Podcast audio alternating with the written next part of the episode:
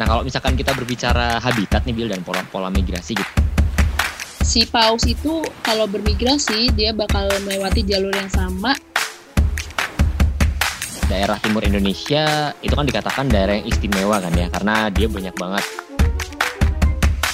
Welcome back to ecolocation.id. Kembali lagi bersama Nabila dan kolik di sini yang akan membahas topik terkini yang lagi rame di kalangan pemerhati biota dan masyarakat di pesisir Selat Madura nih. Yes, ini tuh fenomena yang mendadak rame nih di pantai desa Patereman, Kecamatan Modung, Bangkalan, Jawa Timur. Jadi di sana tuh. Um, jadi tuh fenomena ini gitu ya, Bill.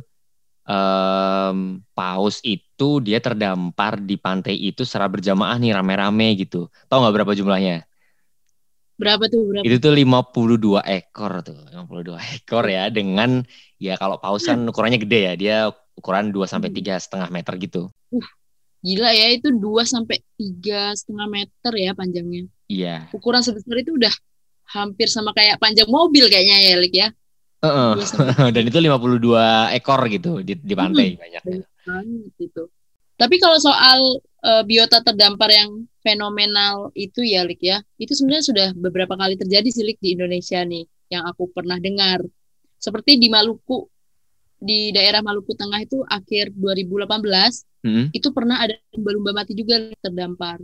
Hmm. Terus juga di daerah Ambon itu juga ada ikan mola-mola yang ukurannya itu dua setengah meteran itu mati terdampar.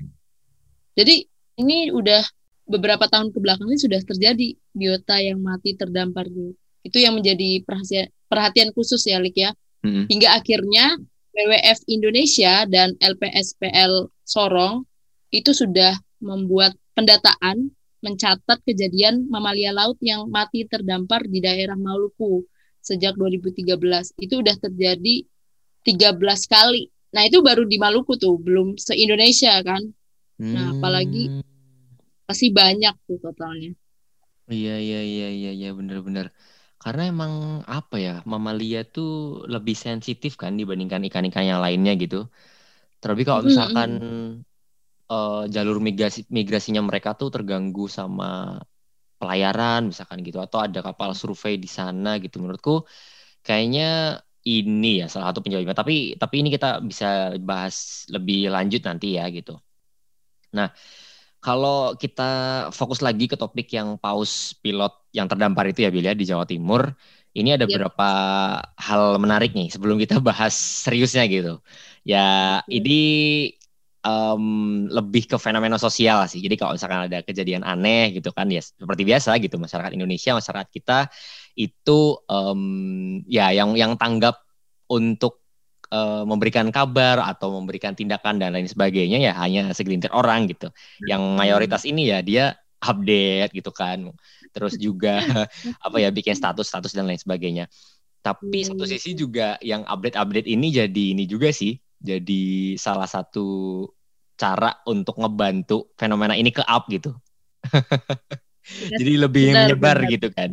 Jadi iya. awak jurnalistik di Indonesia kebantu banget ya Lik ya? Iya benar-benar dengan hmm. orang-orang berkumpul gitu kan, nonton terus ngefotoin, ngevideo, bikin status di WhatsApp, di IG gitu.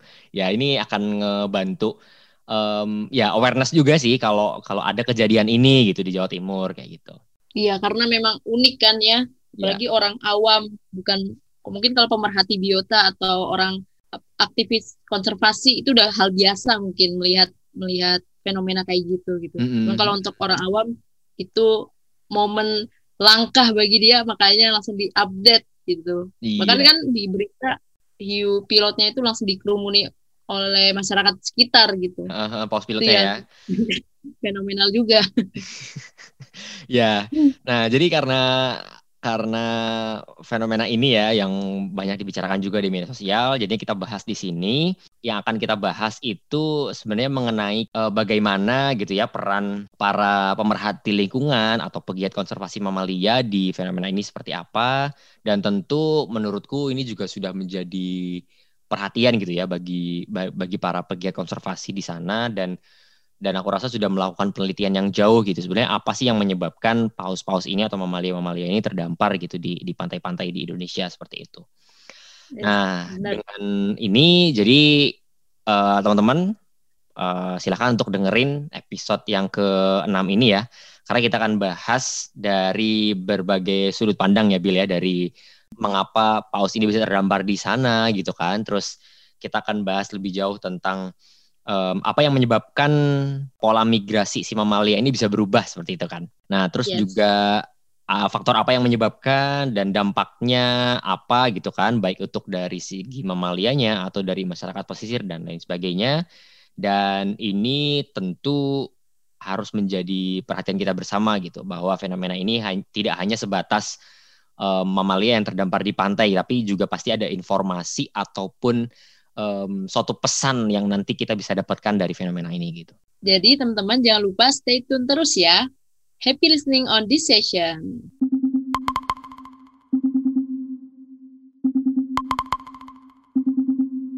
Oke Bill, kita awali dengan data mamalia dulu nih ya. Nah kalau hmm. aku ambil dari Journal of Marine Science and Technology, di perairan Indonesia itu dia punya 31 jenis mamalia laut atau cetacea nih. Yang 12 di antaranya adalah paus dan sisanya itu pesut dan lumba-lumba. Nah, ada juga mamalia laut lainnya sejenis duyung yang kalau kita uh, bahasakan gitu ya, itu biasanya dikenal dengan namanya dugong. Hmm. Dugong-dugong tuh nama bahasa Latinnya tuh. Dugong, uh, nah berkaitan khusus dengan paus ini nih di kejadian yang di Madura Jawa Timur, um, ini sebagian besar sifat si paus ini adalah dia bermigrasi nih, gitu kan? Dia nggak tinggal di satu tempat aja, tapi dia uh, bermigrasi ke ke daerah-daerah atau laut-laut di sekitar Indonesia. Itu uh, kira-kira di sekitar daerah timur Indonesia gitu ya, di daerah Pasifik gitu.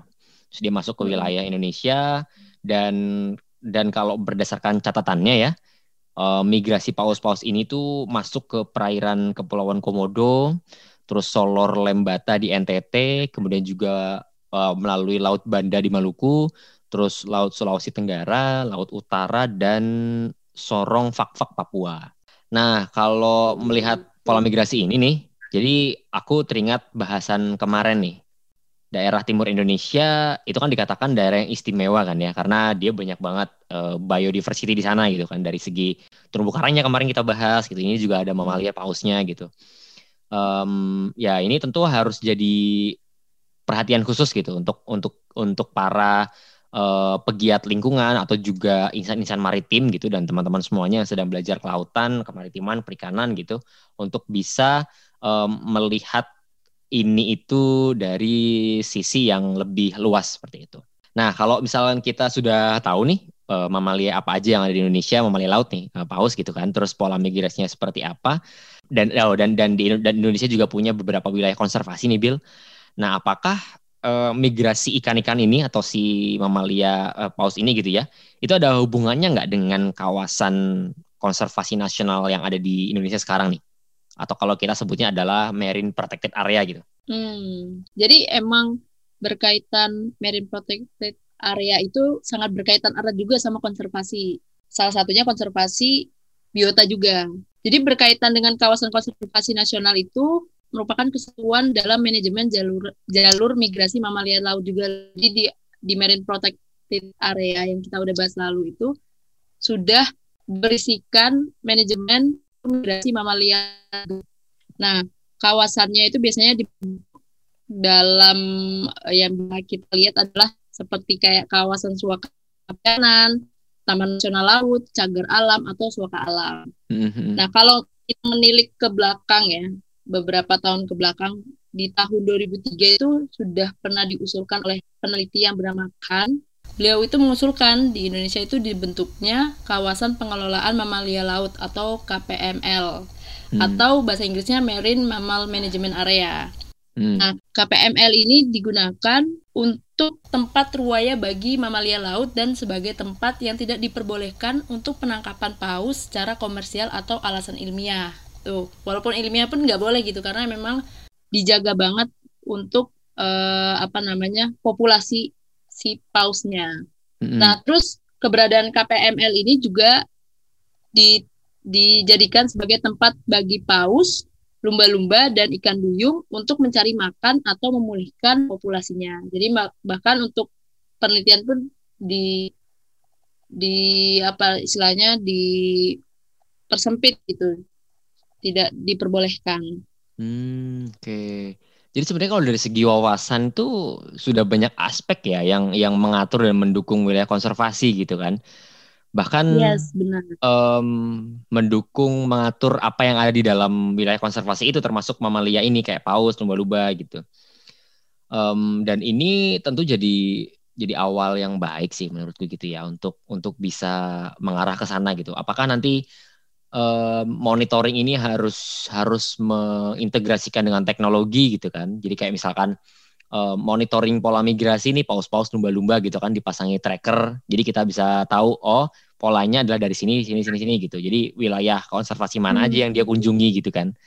Nah, mungkin ini juga jadi salah satu yeah, yeah. ini ya uh, step ke depannya gitu untuk bisa benar-benar memastikan um, jalur migrasinya mereka tuh di mana gitu. Dan ini harus ditetapkan sebagai area yang protected kan. Jadi dia nggak nggak nggak boleh diganggu dengan alat pelayaran ataupun eh, kegiatan uh, survei yang riset dengan sonar dengan dengan apa tuh alat-alat yang dengan suara gitu. Iya. Uh, terus kalau misalkan aku lihat lagi nih di berita yang dirilis oleh KKP tahun 2012 nih Bill, kan ada juga nih paus paus pilot yang pernah terdampar. Ini di pantai Pulau Sawu. Nah jumlahnya itu hmm, ya, ya Ya, itu kurang lebih sama dengan dengan dengan paus pilot yang sekarang gitu di, yang di Madura. Hmm. Nah, tapi kalau kalau kita mau bahas uh, khusus ke paus pilotnya kan kita juga harus tahu dulu ya paus pilot itu apa sih gitu ya kan dibandingkan pos-pos yang lainnya gitu apa yang membedakan gitu terus hmm. apakah ada ada ada bedanya juga dari dari pola migrasinya paus pilot dengan pos-pos yang lainnya kayak gitu.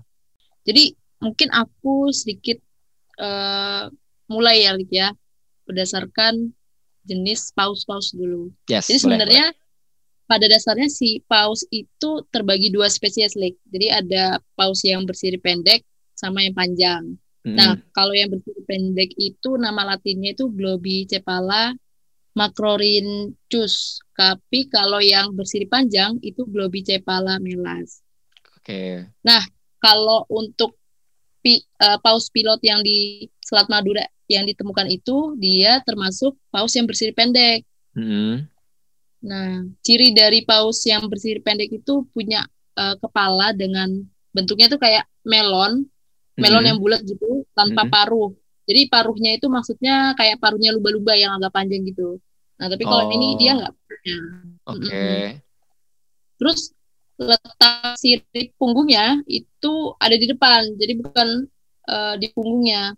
Terus juga warna tubuhnya itu hitam atau coklat ketua-tuaan gitu, dengan punya pelana abu-abu besar di belakang sirip punggungnya tadi. Oke. Okay. Nah, kalau kita berbicara berat atau bobotnya itu ya, si paus pilot ini tuh sebenarnya punya berat yang sangat berat banget, 1 sampai 3 ton, Lik okay. untuk per ekornya. Yeah. Kan gede uh, banget tuh. Yes. Nah, kalau panjangnya memang uh, perkiraannya itu sekitar 3 sampai 7 meteran secara penelitian ya. Dan kalau ditanya masa hidupnya, si paus pilot ini punya rentang masa hidup itu 35 sampai 60 tahun, Li. Itu emang hmm. cukup lama lah. Oke okay, oke. Okay. Um, ya ya, aku potong potong bentar nih, sorry ya. Berarti Uh, okay. Ini kan ukuran yang normal ya, 3 sampai 7 meter ini berarti paus dewasa kan? Mm -mm, iya. Nah, berarti yang ditemukan itu bisa dikatakan paus yang masih anakan nih berarti karena ukurannya 2 sampai 3 meter kan? Iya. Hmm. Karena kan ya itu apa yang terdampar kan juga banyak tuh 50-an kan. Nah, yeah. itu iya. ada kaitannya itu uh, aku lanjutin ya dengan hmm, menarik menarik. Oke okay, okay. Yang kamu bilang tadi nih. Jadi yeah, ya. memang yeah. paus pilot ini dia itu hidupnya itu berkelompok gitu kan Lik dia itu memang apa ya seperti makhluk sosial juga nah tapi dalam kelompoknya itu kan bukan apa ya istilahnya dia berkelompok itu berdasarkan keturunannya jadi dalam kelompok itu bisa jadi ada anak-anaknya gitu nah hmm. makanya yang ditemukan di selat Madura itu kan ukurannya ada yang masih dua meteran kan. Nah hmm. itu benar bisa jadi diindikasikan tuh ada anak-anaknya yang hmm. dalam kelompok itu karena biasanya si paus pilot itu dalam jumlahnya kan 20 sampai 100 individu biasanya dalam kelompoknya. Yes. Nah, itu untuk jumlah tuh. klasifikasiannya kenapa ada kelompok-kelompok itu berdasarkan uh, kekerabatannya. Jadi uh, mungkin ada bapak ibu dan anak-anaknya dalam gerombolan itu gitu. Okay. Uh, sesimpel itu ya. Yeah. Karena nanti dalam membedakan kelompok itu nggak bisa disamakan gitu, Lik. Jadi kalau misalnya hmm. nanti nih hmm. dari kelompok itu ada yang terpisah, terus dia mau bergabung dengan kelompok lain itu sebenarnya sulit karena tidak punya hubungan kekerabatan kayak gitu. Oh, oke. Okay. Dia bisa mengenali ya dengan itu dan dia masuk kelompok kita apa enggak gitu. Oh, oke. Okay. Yes. Iya iya iya. Berarti boleh nih ini judulnya kita kasih dengan anak yang hilang gitu kan. Bisa banget kayaknya. Karena dia ukurannya kecil gitu dan dia misah dari iya. dari pos-pos yang dewasa gitu.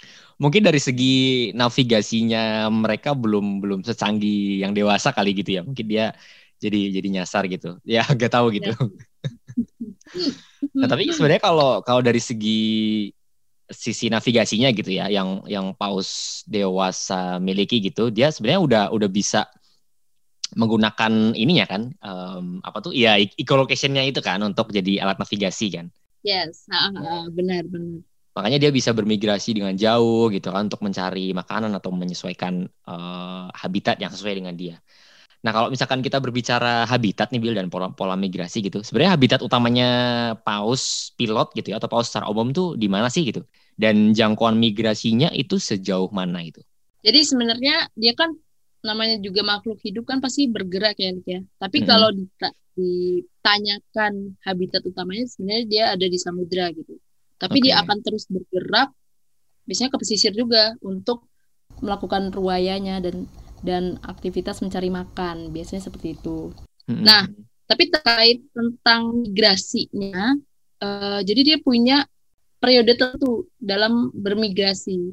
Mm. Jadi ada waktu khususnya. Mm-hmm. Jadi si ikan paus ini kan tadi bergerombol gitu ya, berjamaah yes. gitu 20 100 individu dalam kelompoknya yeah. itu dia bermigrasi dan kalau kita lihat di daerah Indonesia dia itu uh, paling banyak jenis paus pilot ini sendiri. Ini yang paling banyak bermigrasi hmm. ke perairan Indonesia. Hmm, hmm. Dari kasus yang kita temui yang tahun ini, yang tadi yang di Selat Madura, itu memang sebanyak 50-an ekor paus tadi itu terdampar yang diperkirakan berasal dari perairan Australia dan akan melewati perairan Indonesia. Hmm. Nah, lalu salah satu dugaan mengapa si paus pilot itu berupaya hingga ke Selat Madura karena memang si paus itu sedang bermigrasi di perairan tropisnya Indonesia dan salah satu daerah ruayanya adalah Selat Madura itu. Nah, okay. ini sebenarnya udah pernah terjadi di tahun 2016. Makanya hmm. para peneliti udah memberikan statement bahwa wajar saja ditemukan di Selat Madura karena itu sebagai tempat ruayanya. Karena hmm. menurut catatan sudah pernah terjadi. Ya, ya, ya. Untuk waktunya dia bermigrasi itu memang paling tinggi atau klimaksnya dari migrasinya itu di bulan Februari dan Mei. Nah, kan pas banget kan fenomenalnya kan terjadi seminggu ke belakang nih, masih mm-hmm. bulan Februari kan. Mm-hmm. Nah, itu yang uh, keilmuan kalau yang mengatakan migrasi paling tingginya di bulan Februari dan mm-hmm. Mei nanti. Okay. Terus ada literatur yang juga aku baca si paus itu kalau bermigrasi dia bakal melewati jalur yang sama dengan rute migrasinya. Jadi uh, dia tidak akan mengubah rutenya gitu Dia selalu pakai rute yang biasanya dia lewati. Hmm. Nah, kenapa hmm. dia bisa? Karena memang si paus itu punya kelebihan lah. Dia punya ke kelebihan, punya zat sesuatu zat yang ada di retinanya biasanya itu secara biologis disebut sebagai biomagnetit. Mm-hmm. Jadi zat biomagnetit ini digunakan si paus buat sebagai indera magnetis dia dalam mengetahui ke arah mana ia bergerak dan merekam perjalanannya. Jadi oh. akan terus dia ingat gitu. Mm-hmm. selain itu juga yang aku baca juga dari referensi in depth well well navigation uh, tentang navigation the long way home karyanya si Robin Marks dia beliau itu mengatakan bahwa paus yang mengikuti jalur magnet jadi migrasinya itu dia biasanya sebut sebagai jalur magnet mm -hmm. ini kemungkinan besar akan terdampar di daerah jalannya yang berkelok nah ini kan kita kembali lagi ke kondisi topografi di perairan sendiri kan. Mm-hmm. Jadi memang punya potensi juga migrasinya paus itu masuk ke perairan-perairan yang relatif landai atau daerah pesisir gitu. Terutama salah satunya pantai Pulau Madura yang ada di kawasan Selat Madura itu, Le. Berarti memang jalur atau pola migrasi ini dia sudah um, ya dia melalui jalur yang sama begitu kan dari setiap siklusnya karena dia punya hmm. tadi yang namanya biomagnetit itu ya sebagai indera yeah. magnetis. Nah, kalau misalkan ada uh, polanya sudah sama dan dia juga punya indera untuk um, mendeteksi pol, uh, jalurnya di mana dan dia juga mengingat mengingat uh, siklus-siklus sebelumnya. Nah, kalau gini tuh bisa berubah nggak sih kayak maksudnya dipengaruhi oleh eksternal gitu si si uh, jalur migrasinya. Misalkan dia melalui misalkan dari dari dari Australia gitu ya, dia masuk ke perairan Indonesia lewat lewat selat Bali misalkan terus masuk ke selat Madura gitu. Nah, ada kemungkinan nggak kalau misalkan kita ada kegiatan uh, apa ke pelabuhan di sana atau pelayaran di sana atau kegiatan offshore di sana, dia akan berpengaruh nggak gitu pola migrasinya ke sana gitu. Karena kan sejauh yang gue ketahui gitu ya, migrasi ini kan berhubungan sama siklus hidupnya mereka kan di mana di, mereka berruaya, kemudian mereka berkembang gitu kan. Terus mereka jadi dewasa, terus pindah lagi ke tempat ruayanya. Terus ini juga berkaitan sama makanannya gitu kan, sama um, tadi yang kamu bilang uh, mencari laut tropis gitu kan, berarti mencari mencari laut yang hangat gitu. Nah itu hmm. bisa bisa dipengaruhi nggak nih pola migrasinya oleh faktor eksternal gitu? Um, tak, uh, jadi memang menarik banget nih secara secara kehidupan pola hidupnya si paus ini. Jadi kalau kita coba cocokkan dengan kondisi yang sebenarnya atau kondisi yang sekarang ini kan sebenarnya kita kan juga melihat kondisi alam itu udah memprihatinkan ya. E, hmm. karena banyak sekali fenomena alam kayak perubahan iklim yang ekstrim itu kan juga pengaruh dengan kondisi perairan juga ya. Ada hmm. peningkatan suhu, peningkatan kecepatan gelombang, hmm. dan sebagainya. Nah, jadi memang kalau jika kita hubungkan dengan migrasi biota paus ini, memang sangat hubungan, Lik. Hmm. E, karena si paus ini bakal bergerak itu kan menyesuaikan dengan kondisi perairan ya. Ketika ya. dia melihat perairan itu berubah secara drastis dan tidak sesuai dengan kemampuannya, dia akan merubah jalur migrasinya itu. Hmm, ya berarti dia sempat ini ya bingung gitu. Oh, kok tahun lalu hmm. tempat ini baik-baik saja gitu. Kenapa tahun ini iya. sudah tidak sesuai dengan gambaran saya gitu. Akhirnya dia bingung kan. Hmm. nah, dia mencoba beradaptasi dengan merubah tadi, hmm. merubah uh, alur migrasinya ke mana kira-kira daerah perairan yang bisa dia gunakan gitu istilahnya. Oke. Okay. Dan mungkin ya oke. Okay. Dan mungkin ini juga salah satu penyebabnya dari tidak ditemukannya tempat yang sama dari dari siklus sebelumnya akhirnya dia nyasar gitu kan terdampar gitu bisa jadi kan berarti yes benar benar banget tadi kita udah sebutkan uh, apa namanya gelombang tinggi ya sama suhu naik itu memang itu kan sangat erat kaitannya dengan keadaan hidrooceanografi dan juga okay. cuaca ya. Ya, ya. Nah itu kalau melihat sekarang tuh bisa apa ya kalau kalau dari uh, opiniku gitu itu juga sangat berkaitan erat juga akibat fenomena lanina hmm. atau uh, dampaknya bisa timbul gelombang besar karena yang di Madura yang kita tahu itu kalau pada saat kejadian terdampar itu isi gelombang itu cukup tinggi, Lik. Jadi sekitar setengah sampai satu setengah meter mm-hmm. untuk uh, tinggi gelombang.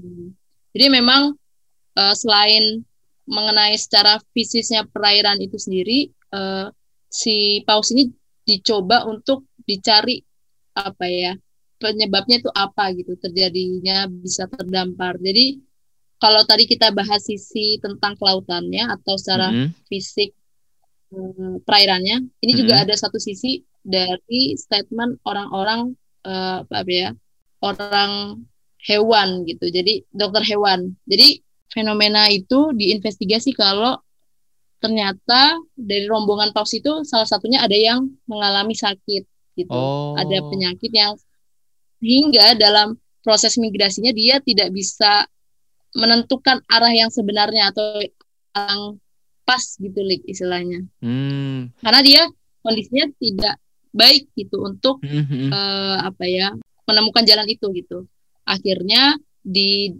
diduga sama para peneliti itu kalau oh ternyata pemimpin dari navigator kelompoknya ini mengalami sakit akhirnya membawa kelompoknya ini sampai ke pesisir selat uh, Madura tadi Nah, tapi sebenarnya ini kan masih dugaan ya. Jadi mm -hmm. uh, oleh beberapa dokter hewan dari Fakultas Kedokteran Hewan Universitas Airlangga UNER Surabaya itu bersama-sama dari dokter hewan Flying Vet Indonesia itu coba mengambil sampel beberapa mm -hmm. tiga sampai tiga ekor paus kalau tidak salah. Sampelnya tadi itu digunakan untuk dinekropsi namanya. Itu buat memastikan apakah benar si paus ini sakit atau tidak karena memang itu masih uh, dugaan sih Lik.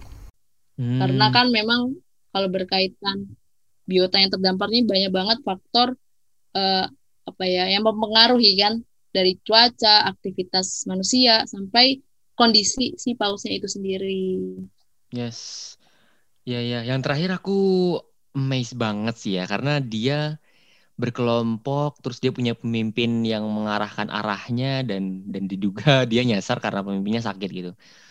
Ini mungkin bisa dibahas lebih lanjut di episode yang lain kali ya Bill ya kayak kita menguak iya, lebih iya, jauh hmm, apa tuh namanya uh, sosial activity-nya si paus gitu. Jadi kayak misalkan dia ada iya, pimpinannya terus kalau sakit tuh dia bisa digantikan nggak sih kayak gitu secara langsung oleh oleh hmm. pimpinan uh, oleh oleh calon pemimpin yang lebih muda misalkan gitu yang lebih junior gitu. Nah ini bisa lainnya ya. Ya ini bisa bisa kita bahas lebih jauh nih. Karena kan kayak kayak yang sejauh yang aku kenal ya kayak misalkan rombongannya kalau di darat tuh ada, ada serigala tuh. Ya kan oh, kalau okay. serigala tuh kan yang yang udah senior senior yang udah tua tua yang udah sakit sakitan di depan gitu kan. Terus iya, yang um, muda-muda di tengah, terus yang dia um, lari kenceng dan dia bisa melindungi kawanannya dia di belakang gitu kan. Kalau misalkan ada terjadi apa-apa, dia bisa langsung ke mana-mana gitu kan. Eh di tengah sorry. Terus yang paling belakang hmm. tuh pemimpinnya gitu kan. Terus untuk mastiin setiap serigala tuh di di belakang tuh udah udah udah di depan semua gitu. Udah nggak ada yang ketinggalan gitu. Nah apakah si paus ini juga demikian gitu kan? Nah kita bisa bahas lebih jauh nih nanti gitu. Iya, dibandingkan ya apakah sama gitu ya. gitu.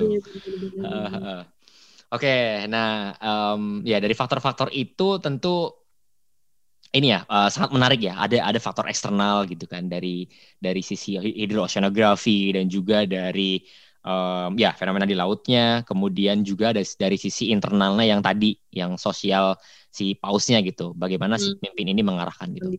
Ya. ya. Nah kalau misalkan kita lihat ke ini ya, ke apakah ada peraturan yang mengatur tentang eksistensi paus gitu. Nah, ternyata tuh ada Bill. Ini diatur di PP nomor 7 tahun 1999. Nah, ini diatur tuh kenapa gitu? Karena paus pilot ini gitu dia memiliki populasi yang menurun terus nih gitu. Jadi kan terancam populasinya kan. Ya, ini bisa jadi karena illegal fishing gitu kan. Um, ya, ya illegal fishing termasuk juga um, bycatch gitu kan. Sebenarnya dia bukan bukan ikan tangkapan tapi tertangkap gitu kan. Kemudian juga ada akibat kondisi alam tadi yang kamu sebutin ada lanina, kemudian juga ada hidrosonografi yang dia mempengaruhi pola migrasinya gitu. Nah, tentu hmm. ya dengan aturan ini mungkin kita bisa bisa bedah lebih jauh juga di lain waktu gitu ya atau di artikelnya uh, ecolocation apa aja yang mengatur di sana dan apa yang bisa kita lakukan gitu untuk membantu menyelamatkan paus ini gitu. Nah, tapi boleh deh kita sharing gitu. Mungkin dari Nabila ada insight ataupun ada pandangan untuk gimana caranya kita bisa uh, membantu gitu kan, uh, menyelamatkan kembali atau mengembalikan kembali pola migrasinya paus gitu yang yang yang yang melewati Indonesia gitu. Jadi dalam langkah-langkah kita untuk mengatasi paus yang terdampar, tulik. Jadi ada beberapa tindakan yang bisa kita lakukan. Yang paling pertama atau paling awal gitu ya, kita bisa melakukan tindakan preventif. Bentuknya seperti apa? Jadi bentuknya bisa kita lakukan yang pertama itu melakukan edukasi tentang paus itu sendiri. Jadi dari apa saja jenis paus, terus perannya di perairan itu untuk apa dia, terus juga sebaran atau keberadaan si paus itu di mana aja sih, sampai pada ujung edukasinya kita mengajak seluruh kalangan untuk tidak melakukan illegal whale fishing atau kita uh, apa ya melakukan penangkapan liar untuk hiup apa paus itu sendiri. Nah, selain itu juga uh, selain mengedukasi, kita juga bisa ngebangun secara, secara infrastruktur, kita ngebangun menara atau pos-pos di daerah pesisir yang digunakan untuk membantu memaintain uh, kondisi pantai. Kalau sekiranya nanti terjadi apa ya paus itu terdampar kembali gitu, biar untuk meninjak lanjutinya lebih cepat gitu kan, Lee. Nah, itu mungkin masuk ke preventif. Nah, selanjutnya kalau misalnya sudah terjadi adanya paus terdampar kembali ke pesisir, itu ada beberapa langkah juga yang bisa kita lakukan selain kita mengcap untuk dikirimkan di media sosial itu kan memang penting juga tuh hmm. tapi ada ada hal yang jauh lebih juga yaitu kita melakukan apa ya istilahnya pembasah ke paus itu. Jadi kan kalau ke pesisir kan pasti si paus ini akan rentan kering ya, maksudnya akan cepat kering gitu uh, tubuhnya. Otomatis ketika dia kering, dia banyak kehilangan kadar air yang ada di dalam tubuhnya dan itu merupakan sebab dia akan uh, cepat mati. Nah, yang kita bisa lakukan adalah dengan menyiramnya secara kontinu dan jangan hmm. sampai dia kering. Itu yang bisa dilakukan. Tapi kan itu juga sulit ya. Eh, apa namanya okay. membasahi terus-terusan. Kita bisa juga langsung melakukan pelepasan langsung ke laut kalau kita bisa misalnya mampu gitu. Nah, tapi kalau nggak bisa juga atau nggak mungkin melakukan kedua hal tadi juga uh, untuk mengurangi penderitaan si paus itu kita ada beberapa saran dari referensi ilmiah itu untuk melakukan eutanasia namanya. Seperti itu. Hmm, ya ya ya. Jadi sebenarnya preventif dan tindakan tanggap yang kedua itu menurutku berhubungan ya Bil ya. Karena hmm. kalau misalkan udah dibangun menara pantau gitu kan, ya paling tidak dari radius sekian kilo, ya sekian meter gitu kan dari dari pantai itu bisa kelihatan gitu kalau ada paus yang mau datang eh yang mau datang yang mau terdampar gitu kan. Yeah. Jadi kita bisa sudah siap duluan. Dan yang tadi apa tuh yang yang membasahi Baik. gitu kan dan ini juga bisa dilakukan dengan ini kan dengan pelepasan gitu. Mm. Jadi sembari kita melakukan upaya untuk mengembalikan dia ke laut tapi dibasahin juga gitu biar dia tetap um, di kondisinya gitu nggak nggak kekurangan banyak cairan. Betul. Iya iya iya benar. Dan mungkin aku mau nambahin juga sih kayak ini bisa bisa memasukkan unsur teknologi sepertinya Bill ya. Jadi hmm. Dalam satu kelompok paus itu mungkin kita bisa ambil dua atau tiga paus gitu kan, terus menanamkan tracker di sana gitu. Yang ini nanti bisa terpancar ke satelit gitu, kita bisa pantau dia uh, migrasinya ke mana gitu kan. Jadi nanti kayak ini ini menjadi satu rencana untuk marine protected area atau kalau misalkan belum sampai sana ya berarti uh, ya minimal kita kita udah tahu kayak gitu kayak uh, periode-periodenya terus lokasinya mana aja gitu kan. Terus apakah ada uh, tata ruang yang bersinggungan di sana gitu dengan si pola migrasinya? Betul betul, betul. mungkin ke depannya perlu kayak gitu sih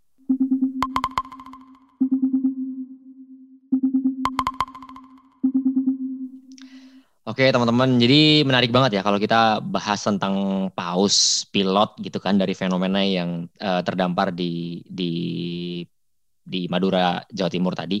Kita bisa bahas lebih jauh lagi nih dari segi uh, pola migrasinya, kemudian juga dari segi uh, sosialnya paus ketika mereka bermigrasi ini seperti apa.